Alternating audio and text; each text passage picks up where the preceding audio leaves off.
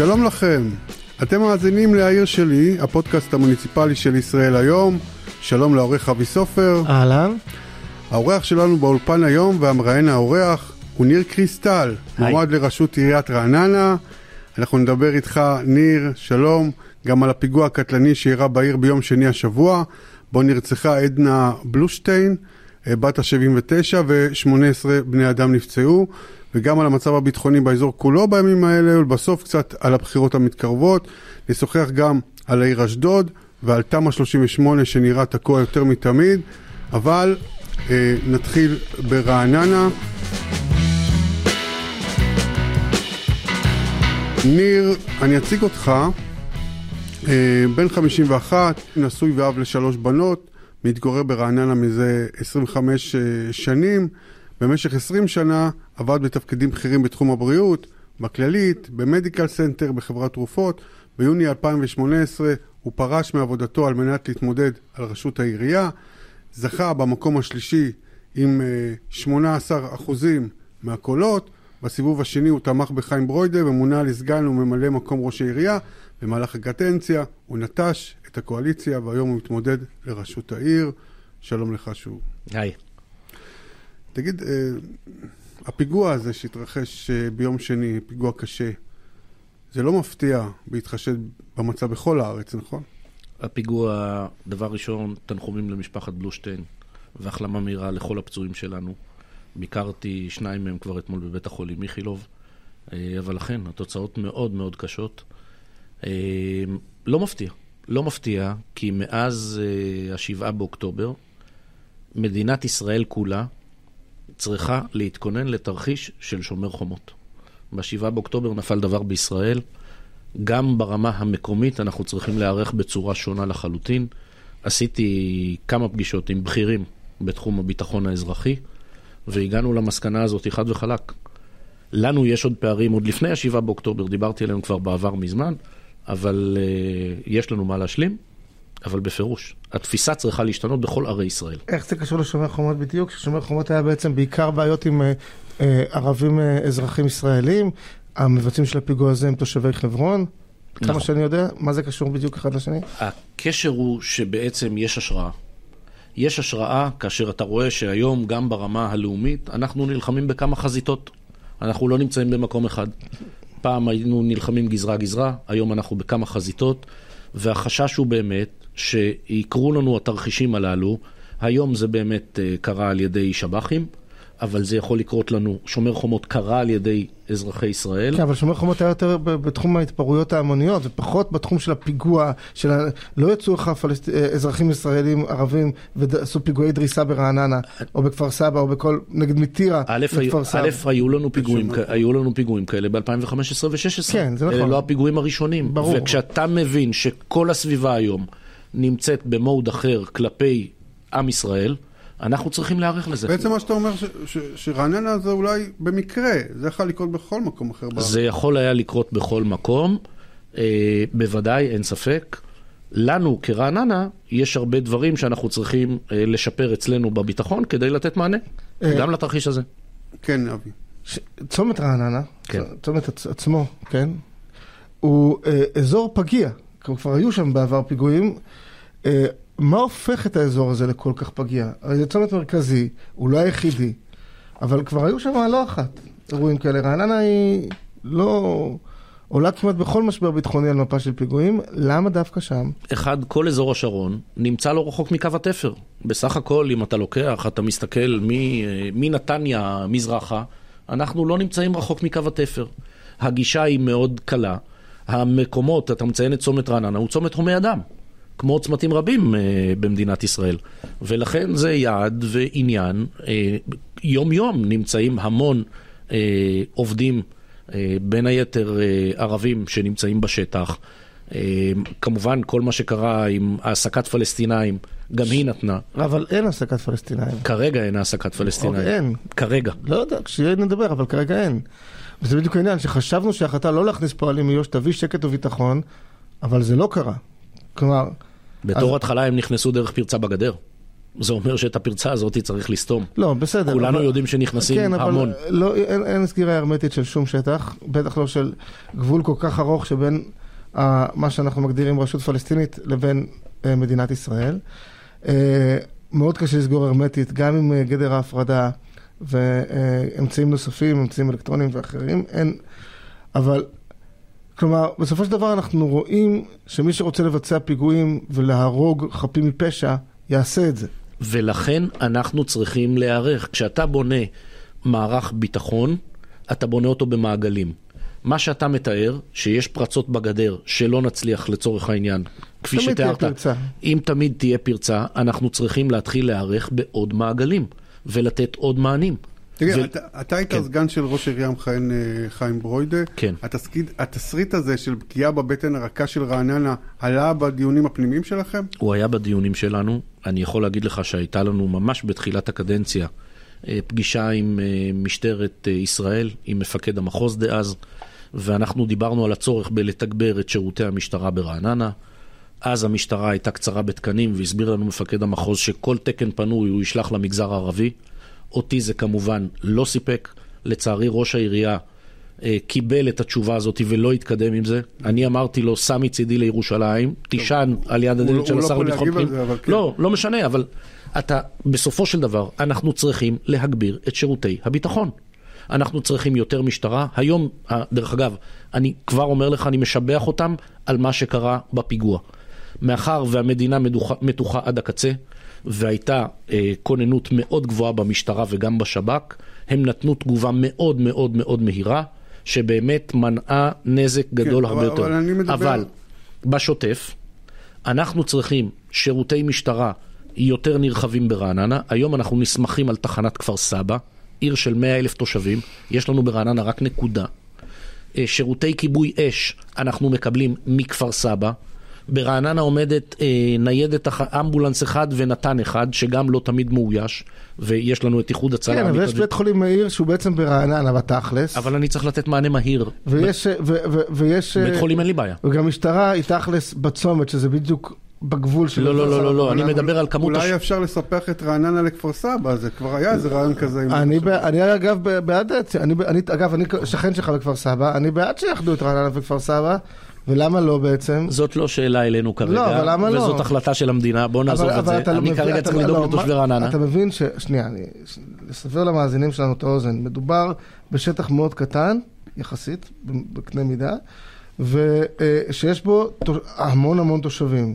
הגיוני שחלק מהשירותים יהיו משותפים. אם, אם הטענה שלך הייתה נכונה, אז ברמת השרון ובגבעתיים היו פחות שירותי משטרה ממה שיש להם. יש בגבעתיים ב-1980 היו יותר שירותי משטרה ממה שיש היום ברעננה. מה זה קשור? ב- אה, זה אוקיי. קשור לזה שזה לא מדובר רק על תא השטח, אנחנו תא שטח קטן, ברמת השרון יש יותר שירותי משטרה מברעננה. רמת השרון לא יותר גדולה ממני, תגיד, ולכן אנחנו צריכים עוד תוספת, גם של שירותי משטרה, וגם אנחנו להגדיל את הביטחון אז אני העירוני. רוצה להבין, היו פניות לממשלה בעניין הזה? ענו לכם תשובות? היו, עוד פעם, אני פניתי, בש... אני הייתי ממונה על הביטחון, אני עסקתי מול המשטרה, מול הממשלה, אה, ראש העירייה לטעמי לא התקדם עם זה, זה חלק מהמחלוקות בינינו. לא היו מכתבים, חלופות מכתבים? אני לפחות לא. קיבלתי, אני, לא לפ... על רקע אני לפחות יודע לא... לא על שבערים סמוכות, למשל- אנחנו נגיע לפוליטיקה יותר מאוחר. מה ששבר אותנו, דרך אגב, מה ש... מה... הקש ששבר את גב הגמל במערכת היחסים בינינו, היה ביטול תחנת הכיבוי. אנחנו נגיע לזה יותר מאוחר, מה שאני מנסה להגיד זה שלמשל בכפר סבא, אה, רפי סער, אני יודע שהוא שלח מכתבים, גם במועצה האזורית אה, הסמוכה שם, אה, כן, ישבה כאן ראש המועצה כן. של קדימה צורן, ודיברה על זה שהם הם באמת אבל קו תפר יותר... אה, נכון. אבל באמת, אז, אז אתה מסתכל באמת על, על, המ- על תמונ, רואה תמונת המצב הכללית. אתה מסתכל על איזה כיתות כוננות יש בקו תפר למשל בואכה ג'נין עם כל המושבים של התענכים. אה, איזה, איזה, איזה, איזה היערכות הייתה בקו, ב, ב, אנחנו מדברים על עוטף עזה, כן? שבקושי שם היו אה, שירותי ביטחון.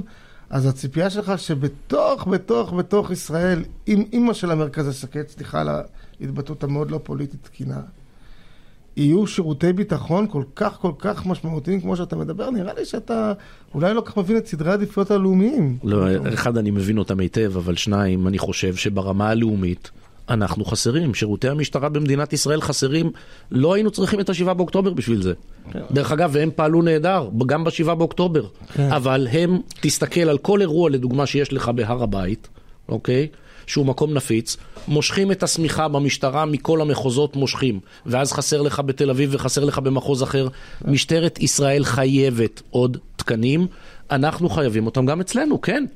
זאת לא בושה. נראה לי, ניר, מה שאתה מנסה להגיד בעצם, שצריך למשוך את השמיכה לא רק בירושלים, בוודאי, אלא גם במקומות אחרים. בוודאי. אה, המשטרה צריכה במדינת ישראל הייתה להיות מורחבת. סע בכבישי ישראל, ותגיד לי כמה פעמים אתה נתקל בניידת תנועה.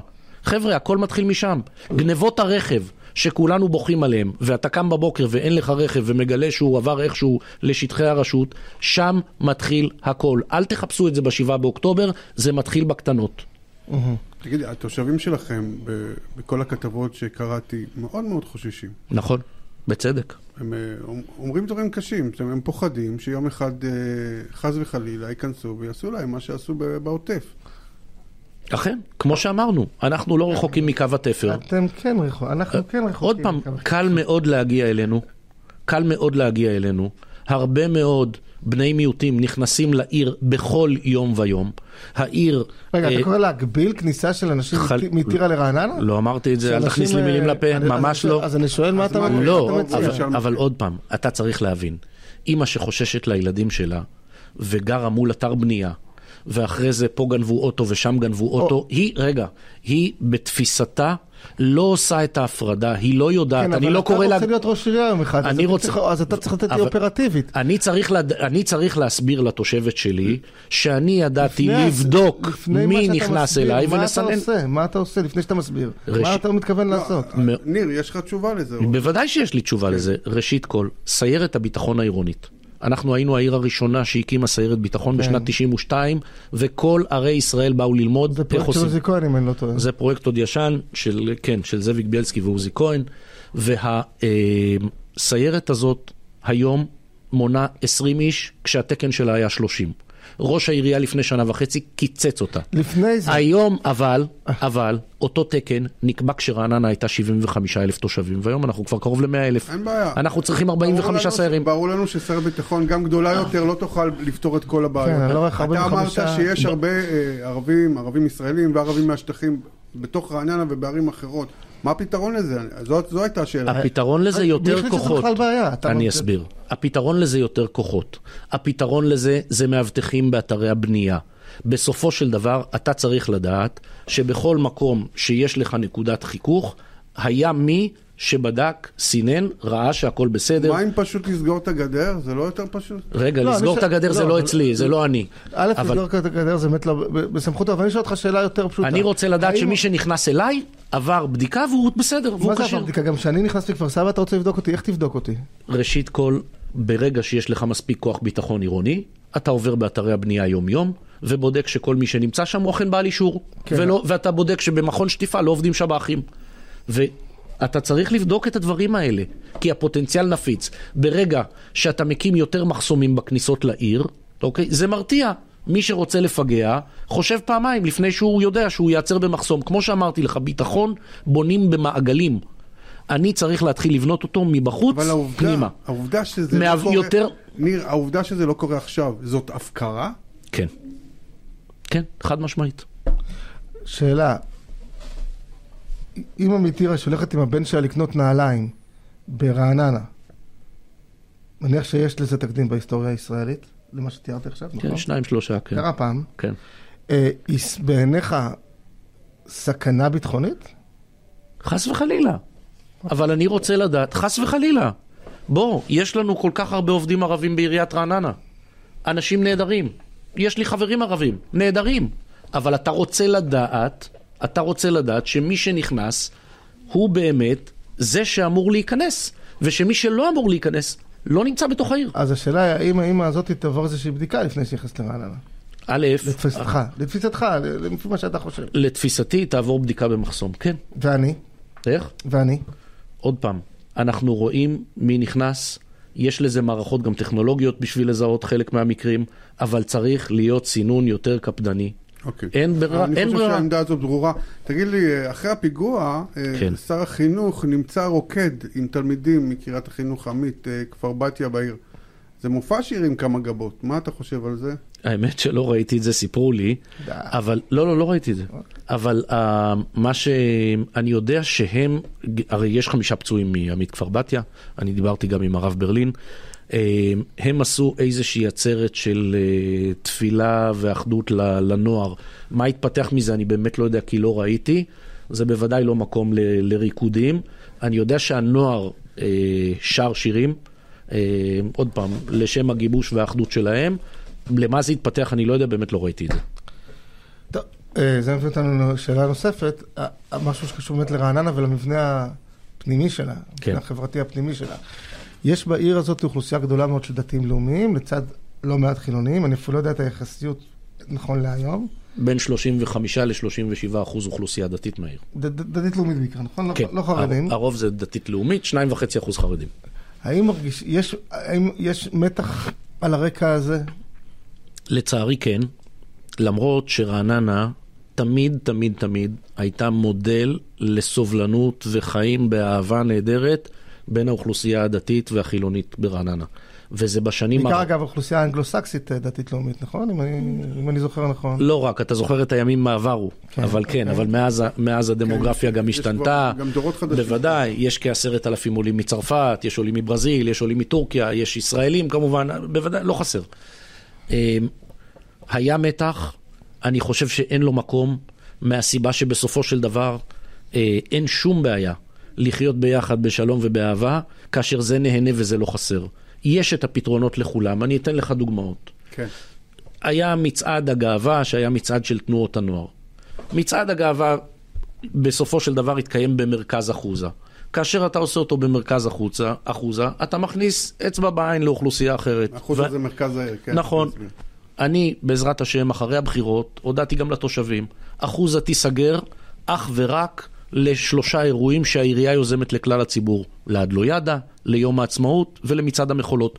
כל יתר האירועים שנועדו למגזרים או לפלחי אוכלוסייה, עשו אותם על יד הפארק, אפשר לסגור את הכביש ליד הפארק, אפשר לאפשר את כל הפארק, ואז כל אחד עושה ומבטא את כל מה שהוא רוצה, בבחינת זה נהנה וזה לא חסר. לא קשה לעשות את זה. מהצד השני, כלומר, אוקיי, לא יהיו מצעדי גאווה יותר באחוזה? אם אתה תהיה ראש עירייה? לא באחוזה, הוא יהיה על יד הפארק. אין שום, אין שום מניעה לעשות את זה. מצד שני, שמחת תורה? רגע, מצד? רגע, מצד שני, אני גם לא הולך לסגור את אחוזה ככביש לאירועים דתיים. אני לא הולך לסגור מקומות אחרים, אני הולך לאפשר לכולם לקיים את כל אה, אורחות חייהם כפי שהם רוצים וכפי אמונתם, אבל תוך מקסימום התחשבות בצד השני. וזה תמיד... אבל מצד שני, אתה דוחק את כל מה שנחשב בעייתי בעיניך לשוליים. נכון, אני לא מבין למה לא ולא ולא, סליחה. אני אסביר, כי באותה מידה... למה לא גם וגם, ולמה. גם זה לא וגם זה לא? למה לא שניהם כן? רגע, באותה מידה, אוקיי? אני בעד, היה מרכז נווה זמר לדוגמה, שהוא יחסית מרכז מסחרי חדש, והייתה התנגדות של חלק שיפתחו שם את בית הקפה בשבת, ואני בהחלט תמכתי בזה שבית הקפה יהיה פתוח בשבת, כי יש אוכלוסייה גדולה, אני ביניהם, שרוצים לשתות קפה בשבת, וזה בסדר גמור. אז פעילות התרבות והפנאי לא חסרה. הסטטוס קוו, דרך אגב, ברעננה אומר דבר מאוד פשוט. רחוב אחוזה סגור בשבת. בכל היתר, אין שום מניעה לפתוח מה שאתה רוצה לתרבות, בילוי ופנאי. איפה הצרה? שהעירייה לא עודדה את זה. תיכנס לאזור התעשייה שלנו, אחד, המדרכות שם עקומות ושבורות, אין שם תאורה בלילה, בעלי עסקים, אין, שם, אין לשם תחבורה נורמלית, אז בעלי עסקים לא רוצים להגיע, הם אומרים לי, בהוד השרון ובכפר סבא ובהרצליה, הרבה יותר אטרקטיבי לפתוח עסק, כי יש לנו יותר תנועה. אני, אני בדיוק חושב על זה, אתה יודע, אני גם טועה בכלל להגיד את זה, אבל יש לי אה, אה, מין אה, מחשבה כרגע, שכל מה שאתה אומר זה מין תפיסה עסקית כזאת, כי אתה נכון. מגיע מהמגזר אני מגיע מהמגזר העסקי, ובסוף אני מסתכל על, לעיר, לכל עיר, עיר ראשית כל זאת, אה, אה, זה עסק כלכלי. עיר היא עסק כלכלי. בסופו של דבר, אני צריך שיגיעו עסקים, אני רוצה שיגיע הייטק. באות אליי מנהלות של חברות הייטק ואומרות לי, ניר, לעובדים אין מה לאכול פה צהריים, אז למה שנבוא אליך? אנחנו עוברים להרצליה. הפסדנו את מייקרוסופט, חברת ענק. אני לא מדבר איתך מעבר לה- להפסד של הארנונה העסקית והכל. אתה מפסיד המון אנשים איכותיים, אתה מפסיד אפשרות לשתף פעולה בין חברה כזאת טובה למערכת החינוך שלנו. לקדם אפילו, אתה יודע, HP לדוגמה, עושים אה, אירוע שנתי לשורדי השואה אצלנו. יש לזה גם מערכת חברתית, זאת אומרת, זה אקו סיסטם שלם. אבל בסוף, אם חברה באה ואומרת, אני צריכה גם שירותים מסוימים. אני רוצה מסביב מסעדות ובתי קפה ושירותים וחנייה זמינה לעובדים שלי ותחבורה ציבורית טובה למי שרוצה להגיע ברכבת לרעננה כי הוא עובד... כן, אנחנו תכף נדבר על כל הדברים, כל הדברים האלו אבל זה אקו סיסטם שלם. שלי, רגע, רגע, שנייה, אבי. השאלה שלי, האם לא התפיסה הזאת, של, התפיסה העסקית שלך בראש, בעצם אה, אה, היא לא משהו שאתה צריך קצת, אה, אתה יודע, היא לא מתחשבת מספיק בתושבים, כי התפיסה העסקית חושבת רק על התוצאה. התוצאה שלי בסוף, זה בדיוק העניין. בתפיסה העסקית שלי, אני מסתכל על התושב כלקוח. לא כקפטיב אודיאנס, אוקיי? היום העירייה, ודרך אגב לא מעט רשויות בישראל, הרשות היא רגולטור בין היתר. אז היא הרבה פעמים פסיבית. אתה בא אליה כשאתה צריך משהו. ונותנים לך תשובה כן או לא, אתה בא לקבל היתר בנייה, okay. אוקיי. יגידו לך כן או לא. אני אומר להפך, אני צריך... העירייה היא שחקן במשחק הכלכלי? כן, לגמרי. העירייה צריכה, בוודאי, כי אני רוצה להביא אוכלוסייה טובה לעיר, ואני רוצה להביא עסקים טובים לעיר, וזה מפתח לי את העיר, זה אוקיי, מפתח אטרקטיביות של עיר. דרך אגב, זה משפיע בסופו של דבר על ההחלטה. מי מגיע לגור אצלך בעיר? כן. זה מביא אותנו לעניין הבא, תחבורה. כן. אה, עושה רושם שמאוד קשה האירוע הזה של אה, עוד עיר במרכז הארץ, כמו שיש הרבה אחרים, הרצליה, רמת השרון, כפר סבא, רעננה. סיוט לקח לי היום להגיע, אני תזמנתי, 59 דקות מכפר סבא, שזה פחות או יותר לתל אביב, לכאן. אה, יש לכם למשל, איפה לדעתך צריך לעבור המטרו, מה עם העיר לעיר, כל הדברים האלה שבעצם... מהיר לעיר צריך להיכנס לרעננה. מהיר לעיר, דרך אגב, אני התנגדתי אליו בבחירות הקודמות, כן. אבל כשנכנסתי להיות סגן ראש העירייה, קיימנו פגישות עם משרד התחבורה. משרד התחבורה נענה ללמעלה מ-90% מהדרישות שלנו. הוא הבטיח לא לה... בכל הערים זה ככה, אגב. מה זה? לא בכל הערים זה ככה. יש... לא, אנחנו קיבלנו מענה ללמעלה מ-90% מהדרישות שלנו. Mm-hmm. ואני אגיד לך, ביקשנו דברים מאוד פשוטים. ביקשנו לדוגמה, שיושב לידי תושב כפר סבא, שכשהוא רוצה להגיע לתל אביב, הוא לא יצטרך לעשות את הטיול דרך רעננה, הרצליה ורמת השרון, כי הוא יגיע בערב. רגע, ואז הם אמרו באמת, אני מדבר איתך על 2019, כן. אוקיי? שהם יוציאו אתכם, לדוגמה, לנת"צ על כביש 4, זה שגמרו לסלול אותו רק לפני כמה חודשים. נהדר אגב. וח... יפה.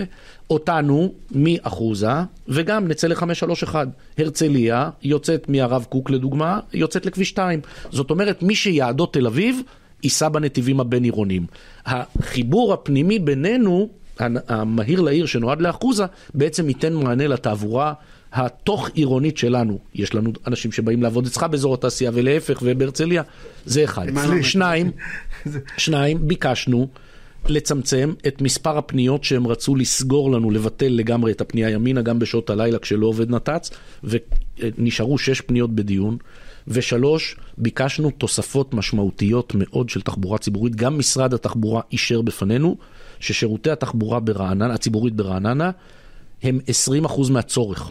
ודיברנו על תוספות שירות ועל כניסה של אוטובוסים, חש... מיניבוסים חשמליים ושירות לשכונות. איפה זה עומד היום אגב? ראש העירייה... אני לא רואה את כל אלה. אז אני, אני מאוד פשוט. ראש העירייה סירב לזה, למרות הכל.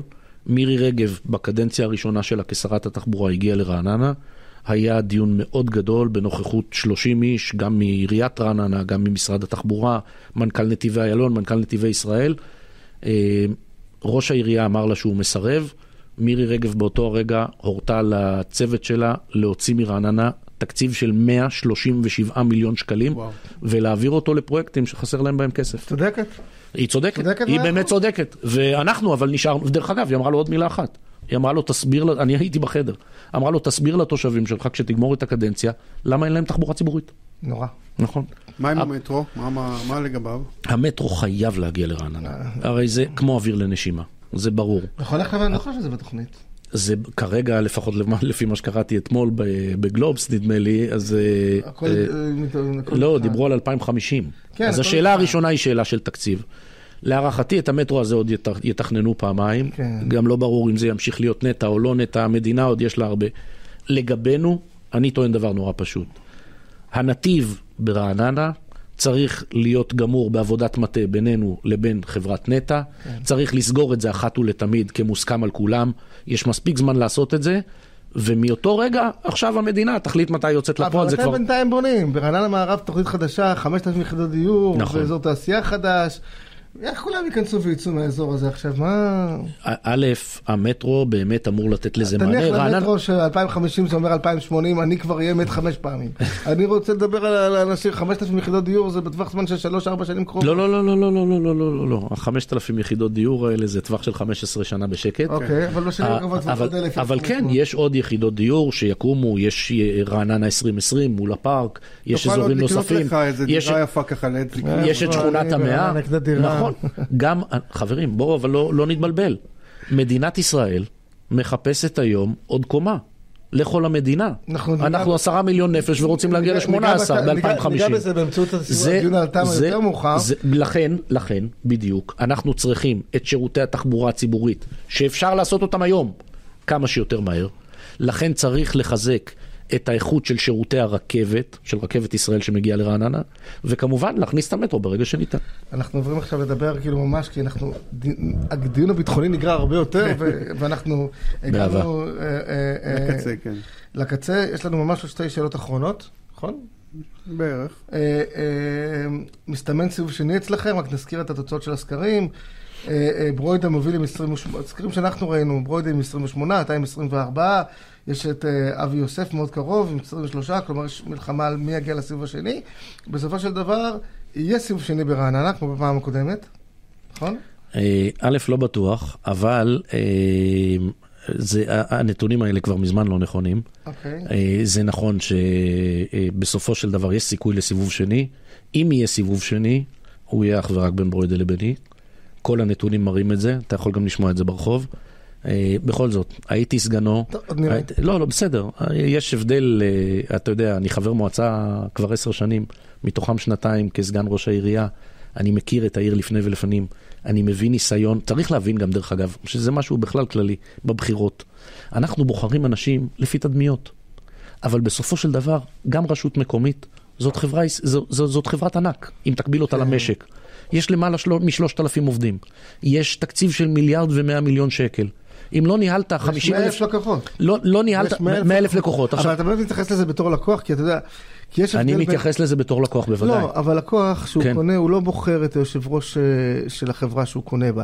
יש משמעות, זה, זה כן, זה לא תפקיד, אתה לא, זה לא בחירות למנכ"ל עיריית רעננה, זה בחירות לראש, לראש עיריית רעננה. ולכן אני מתייחס אליו כלקוח. כי הוא זה שבוחר אותי. כן. המנכ"ל בסוף הוא מינוי שממנה אותו ראש העירייה. אני מוצא הרבה בעיות עם ההגבלה. לא, לא, לא, המנכ"ל בסוף אומר אותי ממנה ראש העירייה. לא יודע, תשמע, אוקיי? אה, להפך. היו כל מיני ניסיונות.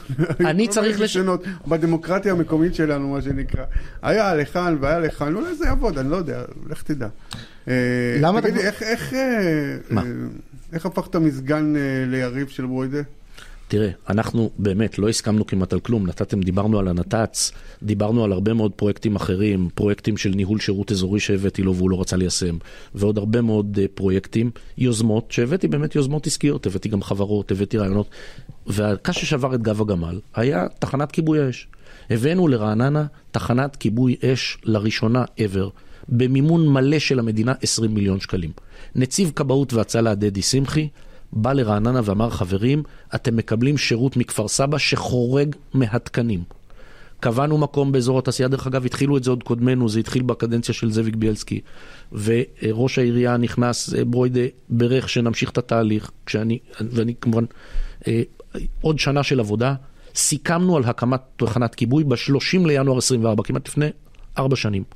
אחרי חודשיים, בוקר אחד, קמנו כולנו, אני סגנו, כל הצוות, נציב כבאות והצלה ראשי, וקראנו בפייסבוק שלו שהוא החליט לבטל את התחנה. למה? אף אחד לא יודע. ארבע שנים מאז, לא קרה כלום. דדי שמחי הגיע חזרה לרעננה. עמד איתנו באזור התעשייה, הסתכל לראש העירייה בלבן של העיניים ואמר לו, אני מקווה שאתה תבין מה אני אומר לך. אתה מסכן את חיי תושבי רעננה. אני נתתי לך את ההתראה, אני גם הבאתי לך את המימון, אתה מסכן את חיי התושבים. אני הייתי ממונה על הביטחון העירוני. מה שלא ציינת בפתיח, אני הייתי מפקד המתנדבים של מכבי אש בתל אביב. Mm-hmm. 15 שנים של התנדבות. Okay. אוקיי. אני יודע מה זה להגיע לשריפה באיחור של שנייה, אוקיי? Okay? אני אמרתי אז לברוידה, אני לא מתכוון חלילה לעמוד מעל קברו של מישהו בבית עלמין ברעננה, בגלל שקרה אסון שאנחנו יכולנו למנוע, כי אתה החלטת לבטל. תגיד, וזה הקש שבר את גב הגמל. דרך אגב, לפני שלוש שנים. אתה חושב שלראש עירייה יש יתרון אה, במלחמה הזאת? לראשי עירייה, לכל ראשי העירייה המכהנים יש יתרון במלחמה, כי אפילו מעצם זה שבחוק הבחירות, בתעמולה, יש הרבה תעמולה שאסור להם לעשות בתקופה הזאת, ומצד שני, היום כולם מתראיינים, פיגוע חס וחלילה, לא משנה, אז ראש העירייה בכל ערוצי התקשורת. יש הרבה פעולות, הם צריכים לדבר עם הציבור, זה ברור, זה נותן להם פור, אין מה לעשות. אגב, אני ח... חייבים uh, לעשות איזה גילוי נאות, אנחנו הזמנו אותו לכאן, הוא היה אמור להתראיין כאן היום. הוא לא הגיע כי הוא אה, חולה. הוא, הוא, כן, הוא הודיע שהוא חולה חבל נורא. כמה שעות לפני כן. אה, אבל תשמע, ניר, נעים לדבר גם איתך, ותודה שהסכמת להגיע. אבל לא כמו עם ברויטן. מה? הוא לא כמו עם פרויקטים. אני לא יודע. זה צריך... זה אחר כך, אחרי השידור. התגובה אחרי השידור. שאלה אחרונה. אני מתכוון לזה שיותר כיף לראיין מישהו שאתה יכול... לבקש ממנו תגובות על מחדלים, ולא מישהו ש... ברור. מישהו שאתה יכול... מי שגם נושא באחריות. שנושא באחריות, ואתה כן. יכול גם לבקש ממנו תשובות על דברים שהוא כבר עשה, ולא איזה חלומות באספמיה, על דברים שאולי הוא יעשה אם הוא ייבחר. אז אני מקווה שמהראשון במרץ תראיין אותי ולא על מחדלים. אוקיי. טוב, שאלה באמת אחרונה. כן. למה פרשת מהליכוד? אני פרשתי מהליכוד ברגע ש... זה היה ביולי האחרון, נכון? נכון. אני פרשתי מהליכוד מסיבה נורא פשוטה. הבנתי שהליכוד לא פועל באינטרס הציבורי שלשמו בחרתי בו. לא מטפל לא ביוקר המחיה, לא בביטחון, ועסוק בשטויות ובריבים פנימיים. לקח המון, כשראיתי... לקח המון זמן להבין את זה. יכול להיות, בסדר, מה לעשות, אבל איך אומרים, מודה ועוזב ירוחם. ברגע שראיתי, אני חייב להגיד לכם אבל משהו. אתם יודעים, בטלוויזיה הופיע יום אחד, אה, ישבו, צילום מהכנסת, גלנט וביבי באמצע ויריב לוין. וגלנט אומר מעבר לראש של ביבי ליריב לוין, תן משהו. הוא רצה כאילו קצת לרכך את ה... זה היה לפני, שאני נכון. רוצה להזכיר, זה היה לפני שהחוק לביטול עילת הסבירות עבר. נכון. והוא אמר, תן לי איזה משהו להביא אותו נכון, כדי לחדש את הדיאלוג. נכון, וברגע אחד ביבי לא התייחס. ואמרתי, וואלה, יושב ראש הממשלה, שאני בחרתי, ולידו יושב שר הביטחון, אחת מהדמויות הכי בכירות בליכוד. והוא לא זוכה אפילו לשום יחס, ומי שמנהל את כל האירוע יריב לוין. אמרתי, חבר'ה, צר לי, אבל אותי זה לא מייצג. היו לזה כמובן דברים נוספים. התחיל נושא של הדרת נשים, אני מזכיר לכם, התחילו הרבה דברים, אני אבא לשלוש בנות. מי שרוצה לטפל בהדרת נשים במדינת ישראל, מי שרוצה להדיר נשים, יצטרך לעבור גם דרכי, אוקיי? ולכן אני אומר, לא בשבילי, ותודה רבה. אגב, לאן אתה הולך? מבחינה פוליטית, לאן זה, לאן זה מוביל אותך? אין לי בית חדש. אתה יודע שאם הוא ייבחר... אז הוא אוטומטית יכול לקבל אה, אה, חבר מרכז ליכוד. אני הייתי, זה העניין, ובגלל זה פרשתי, ואני לא רוצה. אני רוצה להישאר אה, לא מעורב הוא פוליטית. גם מבין, הוא גם מבין, אני מדבר על... ואני רוצה לדאוג לתושבים שלי. אני מדבר רגע, בגוף... פרשננו לענייני כן, ניר קריסטל, כן. שנייה, כן. אני, הוא גם מבין, כי, ואני בכוונה מדבר עליו בגוף שלישי, כי זה, כי, כי זה לא יפה. לדבר על בן אדם ש... זה בסדר, חופשי. אתה גם מבין, קריסטל, שבסופו של יום, רעננה היא לא ה base ש- של הליכוד הקלאסי. ואתה מבין ש- אה, שלפרוש מהליכוד ערב בחירות מקומיות יעשה לך טוב. אז אני לא יודע איפה התפיסות האלה. אז בוא נס... בוא נס... הליכוד הוא לא כזה מיולי 24. את הרפורמה הוצגה הרבה לפני, ו, אה, אה, והחשש מהשינויים במערכת המשפט, במערכת המשפט על ידי... אבי, ה... אנחנו אמורים לסגור את הרעיון, לא לפתוח אותו מחדש. אבל פתאום הוא הדליק אותי. אבל, אבל אני אענה לך. אחד, תראה, אני כבר רגיל לזה שכל אחד אומר לי כל היום על כל דבר שאתה מוציא מהפה, אומרים לך זה פוליטי. בסדר, אז אמרתם. הדבר השני, בסופו של דבר, אני, ברגע שהבנתי שזה לא מייצג, אני, דרך אגב, המשפחה שלי, אוקיי? גדלתי בבית שהוא ליכודי. לא הייתי פעיל בליכוד. אני התפקדתי לליכוד ב-2015 כי רציתי להצביע בפריימריז ולדעת מי חברי הכנסת ושיהיו שם אנשים שמייצגים אותי. את התואר של חבר מרכז ליכוד קיבלתי באופן אוטומטי כסגן ראש העירייה. לא הייתי פעיל בליכוד. אפילו לא כינסו כמעט את המרכז. כן. אז אמרתי, אין לי מה לעשות. עכשיו, לא הייתי פעיל במפלגה. לא הייתי אפילו חבר בסיעה ברעננה, אוקיי? אני מאז ומעולם ברשימה עצמאית. אמרתי, זה לא מועיל לי, זה לא מועיל לעיר. חשבתי שכסגן, אולי זה יועיל לי להביא יותר משאבים לעיר. ראיתי שבכלל לא מעניין אותם, לא, לא העיר. סופרים אותך. לא, לא, אותי, לא סופרים, לא סופרים את שר הביטחון, אז למה שיספרו אותי? אוקיי, בסדר, מובן, נקודה עובדה. ניר קרסטל, אתה נשאר איתנו, אנחנו ממשיכים לרעיון הבא. שלום לחברת מועצת העיר אשדוד, לשעבר מנכ"לית מפלגת ימינה, סטלה ויינשטיין. שלום, מה שלומכם? הכל בסדר, תודה שחזרת אלינו. קודם כל, נעשה סדר. מי לא מאפשר לימודים באשדוד ולמה? טוב, אז בעצם החלטה של ראש הרשות יחד עם אה, מינהל החינוך העירוני. אני אנסה להסביר לכם בהתחלה את הרציונל של ראש הרשות, ואחר כך אסביר למה לדעתי יכולה להיות אופציה טובה יותר. Um, המצב הוא כזה, אשדוד עדיין מתווכת, רק ביום ראשון האחרון היה ירי לכיוון אשדוד, ומרווח הזמן להגעה למרחב מוגן הוא 45 שניות. בבדיקה שנערכה ברשות, ברוב בתי הספר, ב-87% מבתי הספר, בכמות המרחבים המוגנים הקיימים, לא ניתן היה שכל בתי הספר ילמדו באופן מלא, ויצליחו, יספיקו להגיע למרחבים המוגנים הקיימים ב-45 שניות. אז יש ערים שפיצלו פשוט את הלימודים לימים. מה, מה, מה? לא שמעתי. יש ערים שבהם פיצלו את הלימודים לימים כדי שיהיה מספיק... נכון, גם אצלנו. גם אצלנו, מה שקרה בעצם, אה, בגלל זה אמרתי, אני לפני זה רוצה באמת אה, לתאר את המצב. כן. הוחלט לפצל את הלימודים לקפסולות, כאשר בעצם כיתות א' עד ג' לומדות ארבע פעמים בשבוע, אה, כנ"ל גנים. כיתות ד' עד ו', ד' עד ה', סליחה, בין ארבע לשלוש פעמים בשבוע, וה' וו' הם, ה' ומ', סליחה, ו' ומעלה, אה, זה נמצא באזור של פעמיים בשבוע. י"א, י"ב שיש להם בגרויות, יש להם לימודים מלאים. אוקיי. כן, אבל סטלה... זה המצב הקיים, זה המצב הקיים. האם זה מספק? לא. בעצם נוצר לך מצב ש... רוב ההורים שיש להם ילדים עד כיתה ד', שעל פי החוק אסור להשאיר אותם לבד, פעמיים בשבוע נאלצים לא לצאת לעבודה, לפחות פעמיים בשבוע. אגב, מבדיקה שעשה מנהל החינוך ודיווח על זה בוועדה בכנסת, כיתות, רק 87% מכיתות א' עד ד' מצליחים להגיע לארבע פעמים בשבוע, עדיין יש אחוז מסוים שהם נמצאים סביב שלוש פעמים בשבוע. רגע, אז מי לא, מאפשר, מי לא מאפשר את הלימודים באופן מלא? ראש העירייה יחיאל לסרי? כן, כן. ראש הרשות יחד עם מינהל החינוך, אה, אני אקח מילה מקדימה, פיקוד העורף צבע את אשדוד כירוקה ומאפשרת לקיים פעילות מלאה, מלאה, מלאה. נו, מה, הם לא, יודע, הם לא מבינים כלום? לא אז רגע, שגרה. פיקוד העורף לא מבין כלום? כאילו, רק, רק אתם מבינים בעירייה? כלומר... לא, אני, אני, אני לגמרי מסכימה איתך שיש פה איזושהי תפיסה מאוד מאוד שגויה, שאומרת ש... אני רוצה רגע להסביר. המקום של ראש העיר הוא טוב. הוא אומר, אני רוצה להגן על הילדים, אנחנו עדיין מסובכים, עדיין יש פה ירי, וב-45 שניות אני לא מצליח להגיע. Uh, אני אומרת, פיקוד העורף עשה איזשהו חישוב, איזושהי ריזיקה של לקיחת סיכונים, ואומר, uh, הכל בסדר, תחזרו לפעילות מלאה, ובמקרה הכי גרוע, הילדים יכולים להתמגן תחת הכי מוגן שיש. זאת אומרת, לצאת לחדר מדרגות אם צריך, או להיצמד לקיר ולהתחבא מתחת לשולחן. רגע, סטלה, אני רוצה להבין, מה שאת אומרת בעצם, שיכול להיות שההחלטה שהחל להסרי היא פוליטית בעצם. יותר קל להגיד, לא נפתח את הלימודים, אנחנו מגינים על תושבי העיר, מאשר להישמע להוראות פיקוד העורף. אני חושבת, אני לא רוצה להגיד פוליטית, אני רוצה להגיד שהוא נזהר יתר על המידה. הוא מחליט לא לקחת את הסיכון. אבל, אבל, יש, אתה רוצה להיזהר על יתר מידה, אתה חושב, אני הולכת איתו. אני גם מכירה את הלך הרוח של ההורים, באמת יש חלק גדול מההורים, לא, לא הרוב, לא חצי כמו שהם נותנים לתאר, אבל יש חלק נרחב מההורים שמפחדים להחזיר את הילדים אה, ל...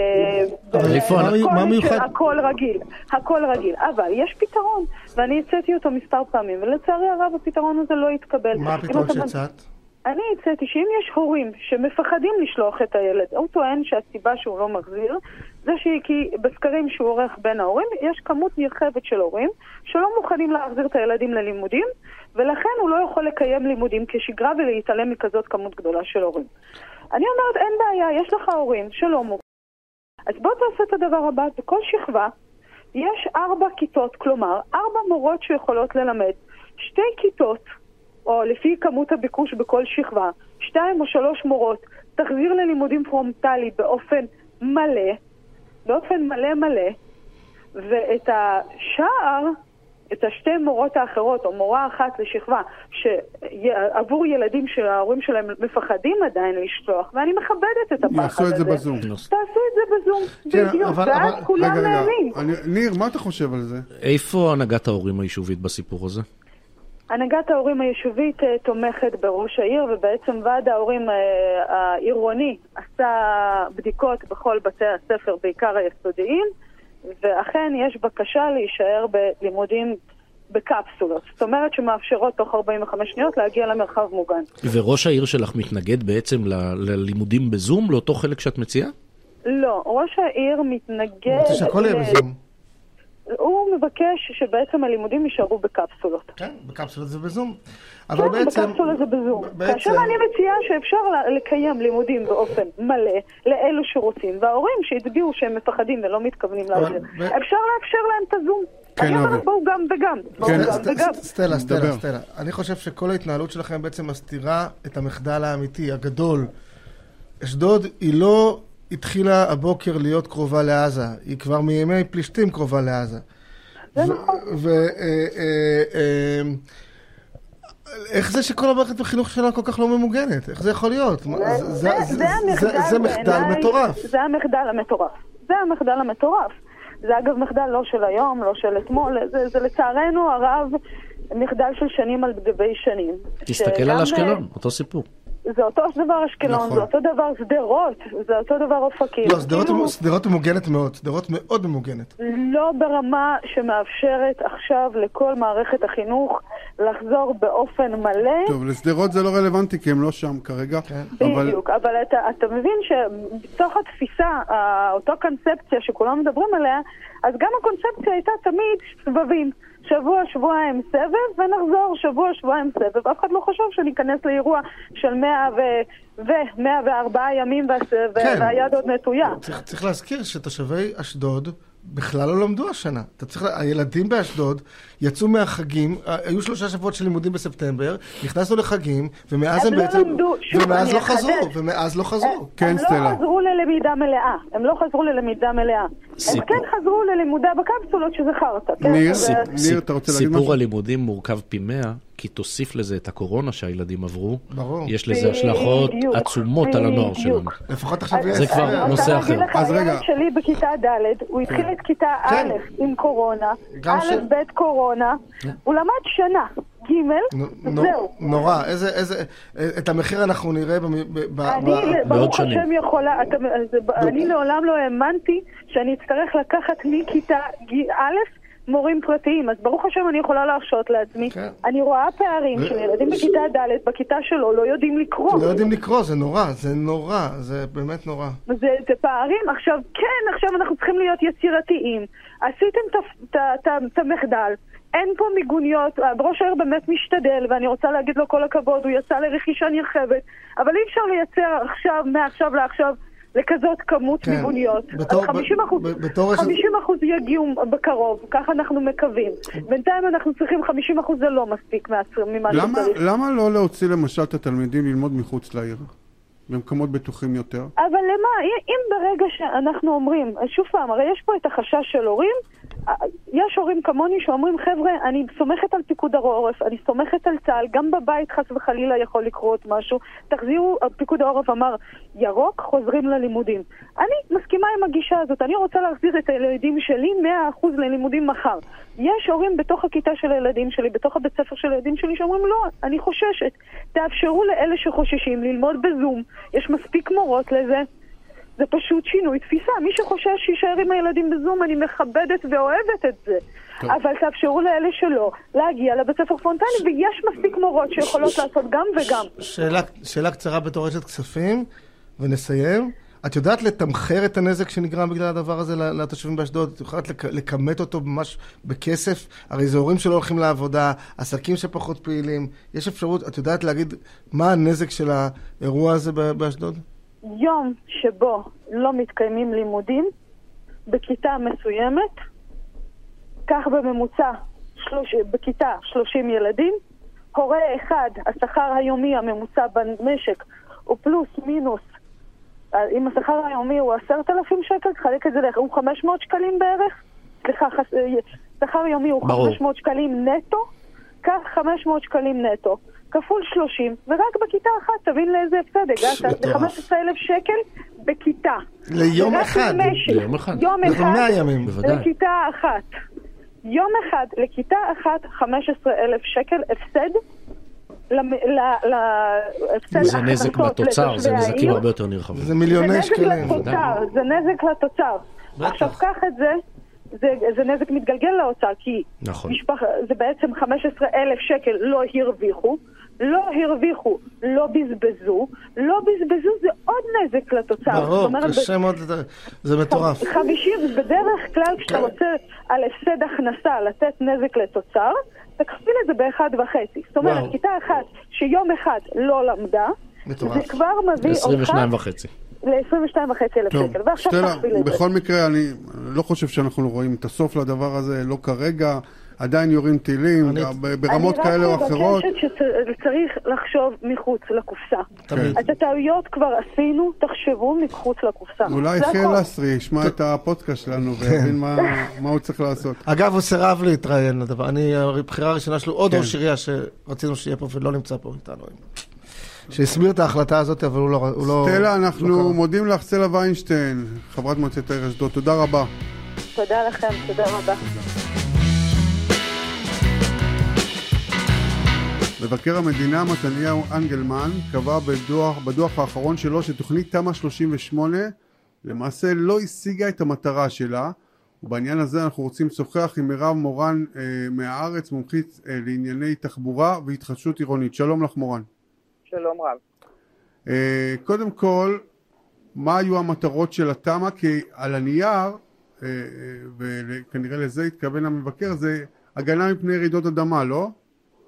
באופן רשמי התוכנית תמ"א 38 שנהגתה ב-2002 ויצאה לדרך ב-2006 נהגתה עם כותרת כזאת של הגנה מפני רעידות אדמה כי אחרת היה יותר קשה להעביר תוכנית כל כך אה, מרחיקת לכת שנותנת כל כך הרבה זכויות בנייה אה, בלי מיסים למדינה.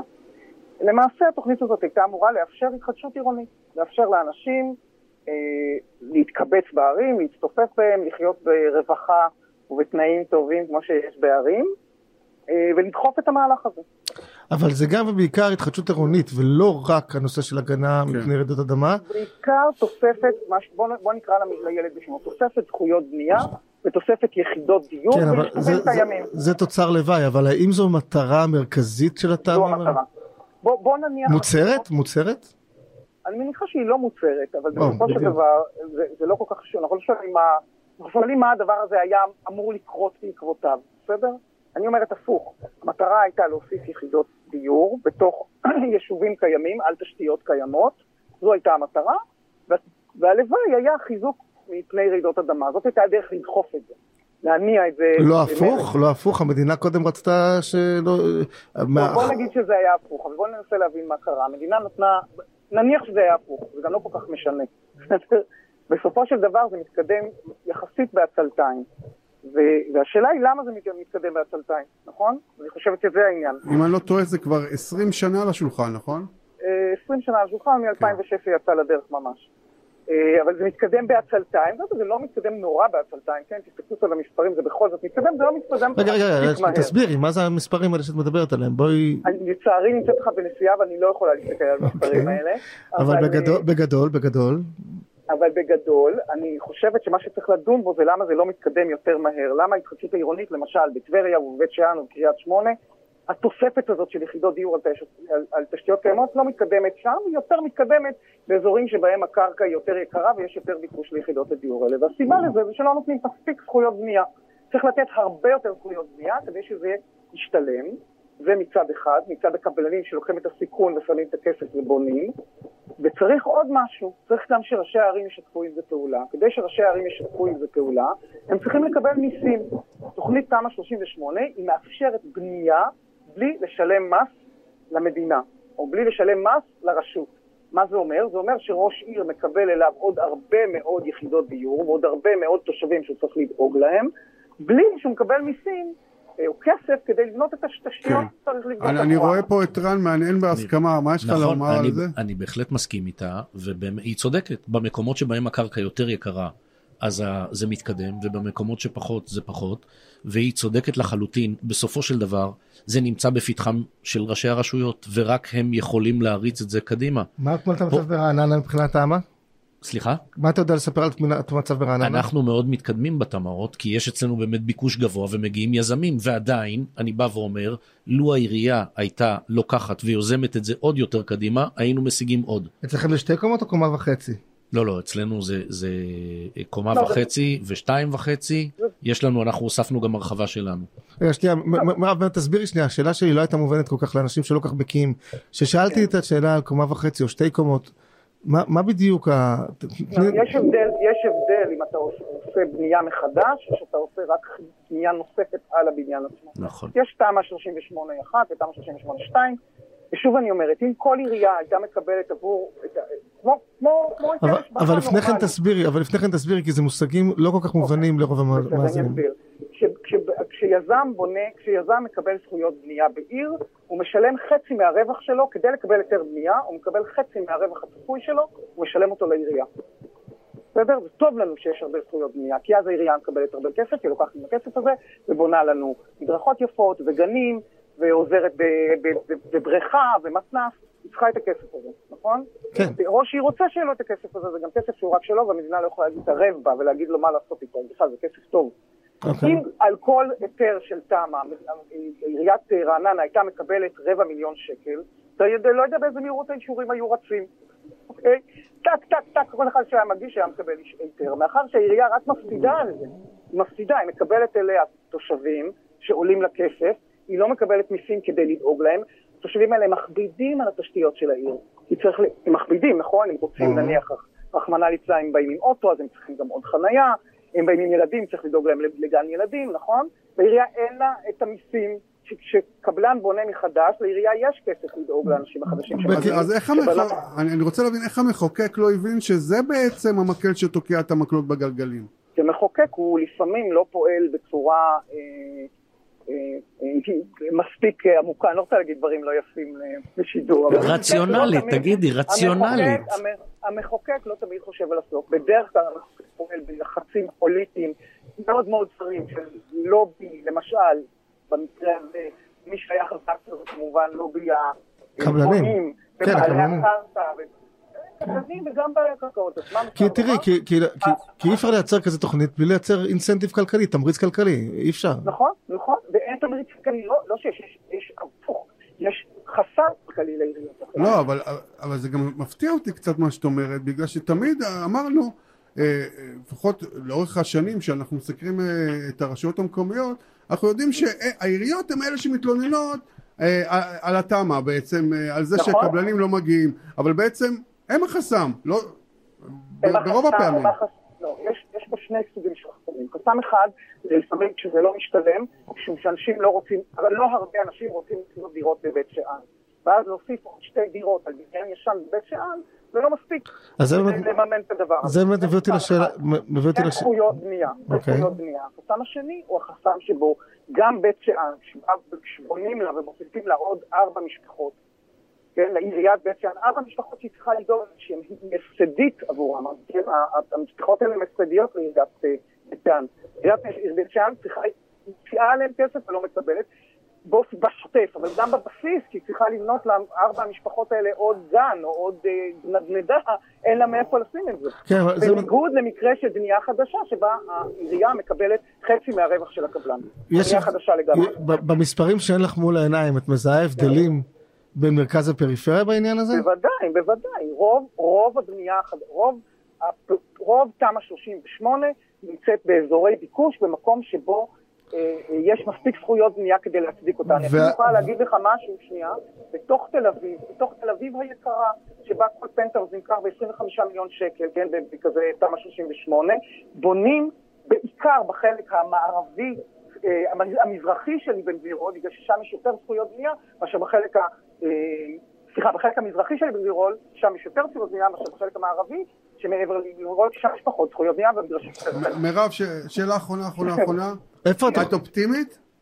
אני תמיד אופטימית בכל דבר ועניין, מה זאת אומרת? בעניין הזה של התמ"א, אנחנו נהיה יותר בסדר, או שצריך לקבוע תוכנית חדשה לחלוטין? אני מקווה שהממשלה הנוכחית, שמי שיושב בה ומי שיקבל שם את ההחלטות בעניין הזה, הם אנשים שפחות נלחצים מלובי של אנשים חזקים. ברור, הם כאלה. אה. ידוע לכל. אני רוצה לסיים דבריי. תודה. בממשלה הנוכחית יש אנשים שהמצביעים שלהם הם אנשים שצריכים יותר זכויות בנייה בבית שאן, ולכן אני מקווה שייתנו להם אותם. ובממשלה הנוכחית אנשים אנשים שהלובי של האנשים העשירים, שלא רוצים שיתנו להם הרבה ולא רוצים לשלם לעירייה, הם גם לא בדיוק האנשים שמצביעים לה. אז יכול להיות שהממשלה הזאת גם תצליח להעביר את הדבר החשוב, וזה שעיריות יקבלו, אה, יקבלו כסף תמורת הבנייה הזאת, זאת אומרת איזשהו מיסוי יהיה כאן, איזשהו מיסוי, לא, אולי לא היטל השבחה מלא, אולי רבע היטל השבחה, אולי חצי היטל השבחה, לעיריות העשירות, כן? ובעיריות העניות יהיה הרבה יותר זכויות בנייה. יש תוכניות כאלה אגב, אם אתם רוצים, ואני מניחה שעכשיו יריצו אותם, כי הממשלה הנוכחית היא ממשלה שהאנשים שמצביעים להם, האנשים האלה שסובלים מכישלונה של תמ"א 38. וגם, וגם צריך להזכיר במשפט, כן, משפט שבאותה אה, אה, אה, בית שאן וקריית שמונה שאת מדברת עליהם, היא באופן מקרי או לא מקרי, גם מבחינה ססמוגרפית מהרגישות בישראל הערים האלה mm-hmm. והן הראשונות שכנראה ייפגעו מרעידת אדמה אם חלילה וחס תהיה כזאת בשבילם בכלל יצאנו לדרך עם תמ"א 38 ודווקא שם זה לא מתקדם. באותה סיבה שאני אומרת לך מעוד כל מיני סיבות, למשל כן. זה שבונים, שלא בונים כל כך את קריית שמונה, אלא בונים את היישובים שמסביב, אבל על כך לא ארחיב. נכון. מירב מורן, לא הפעם. אנחנו מודים לך מאוד על השיחה המרתקת הזאת, תודה רבה. אני מודה לכם, ושתהיה בהצלחה לך. תודה. לראשות העירייה, תהיה בהצלחה. תודה מירב. רק עוד דבר חשוב, אני משתתפת בצערכם כמובן על תודה רבה. הפוגרום שעשו לכם הערבים אה, כן. תודה רבה. ניר. תודה כן. רבה שהתארחת אצלנו. תודה לכם, תענוג שלי.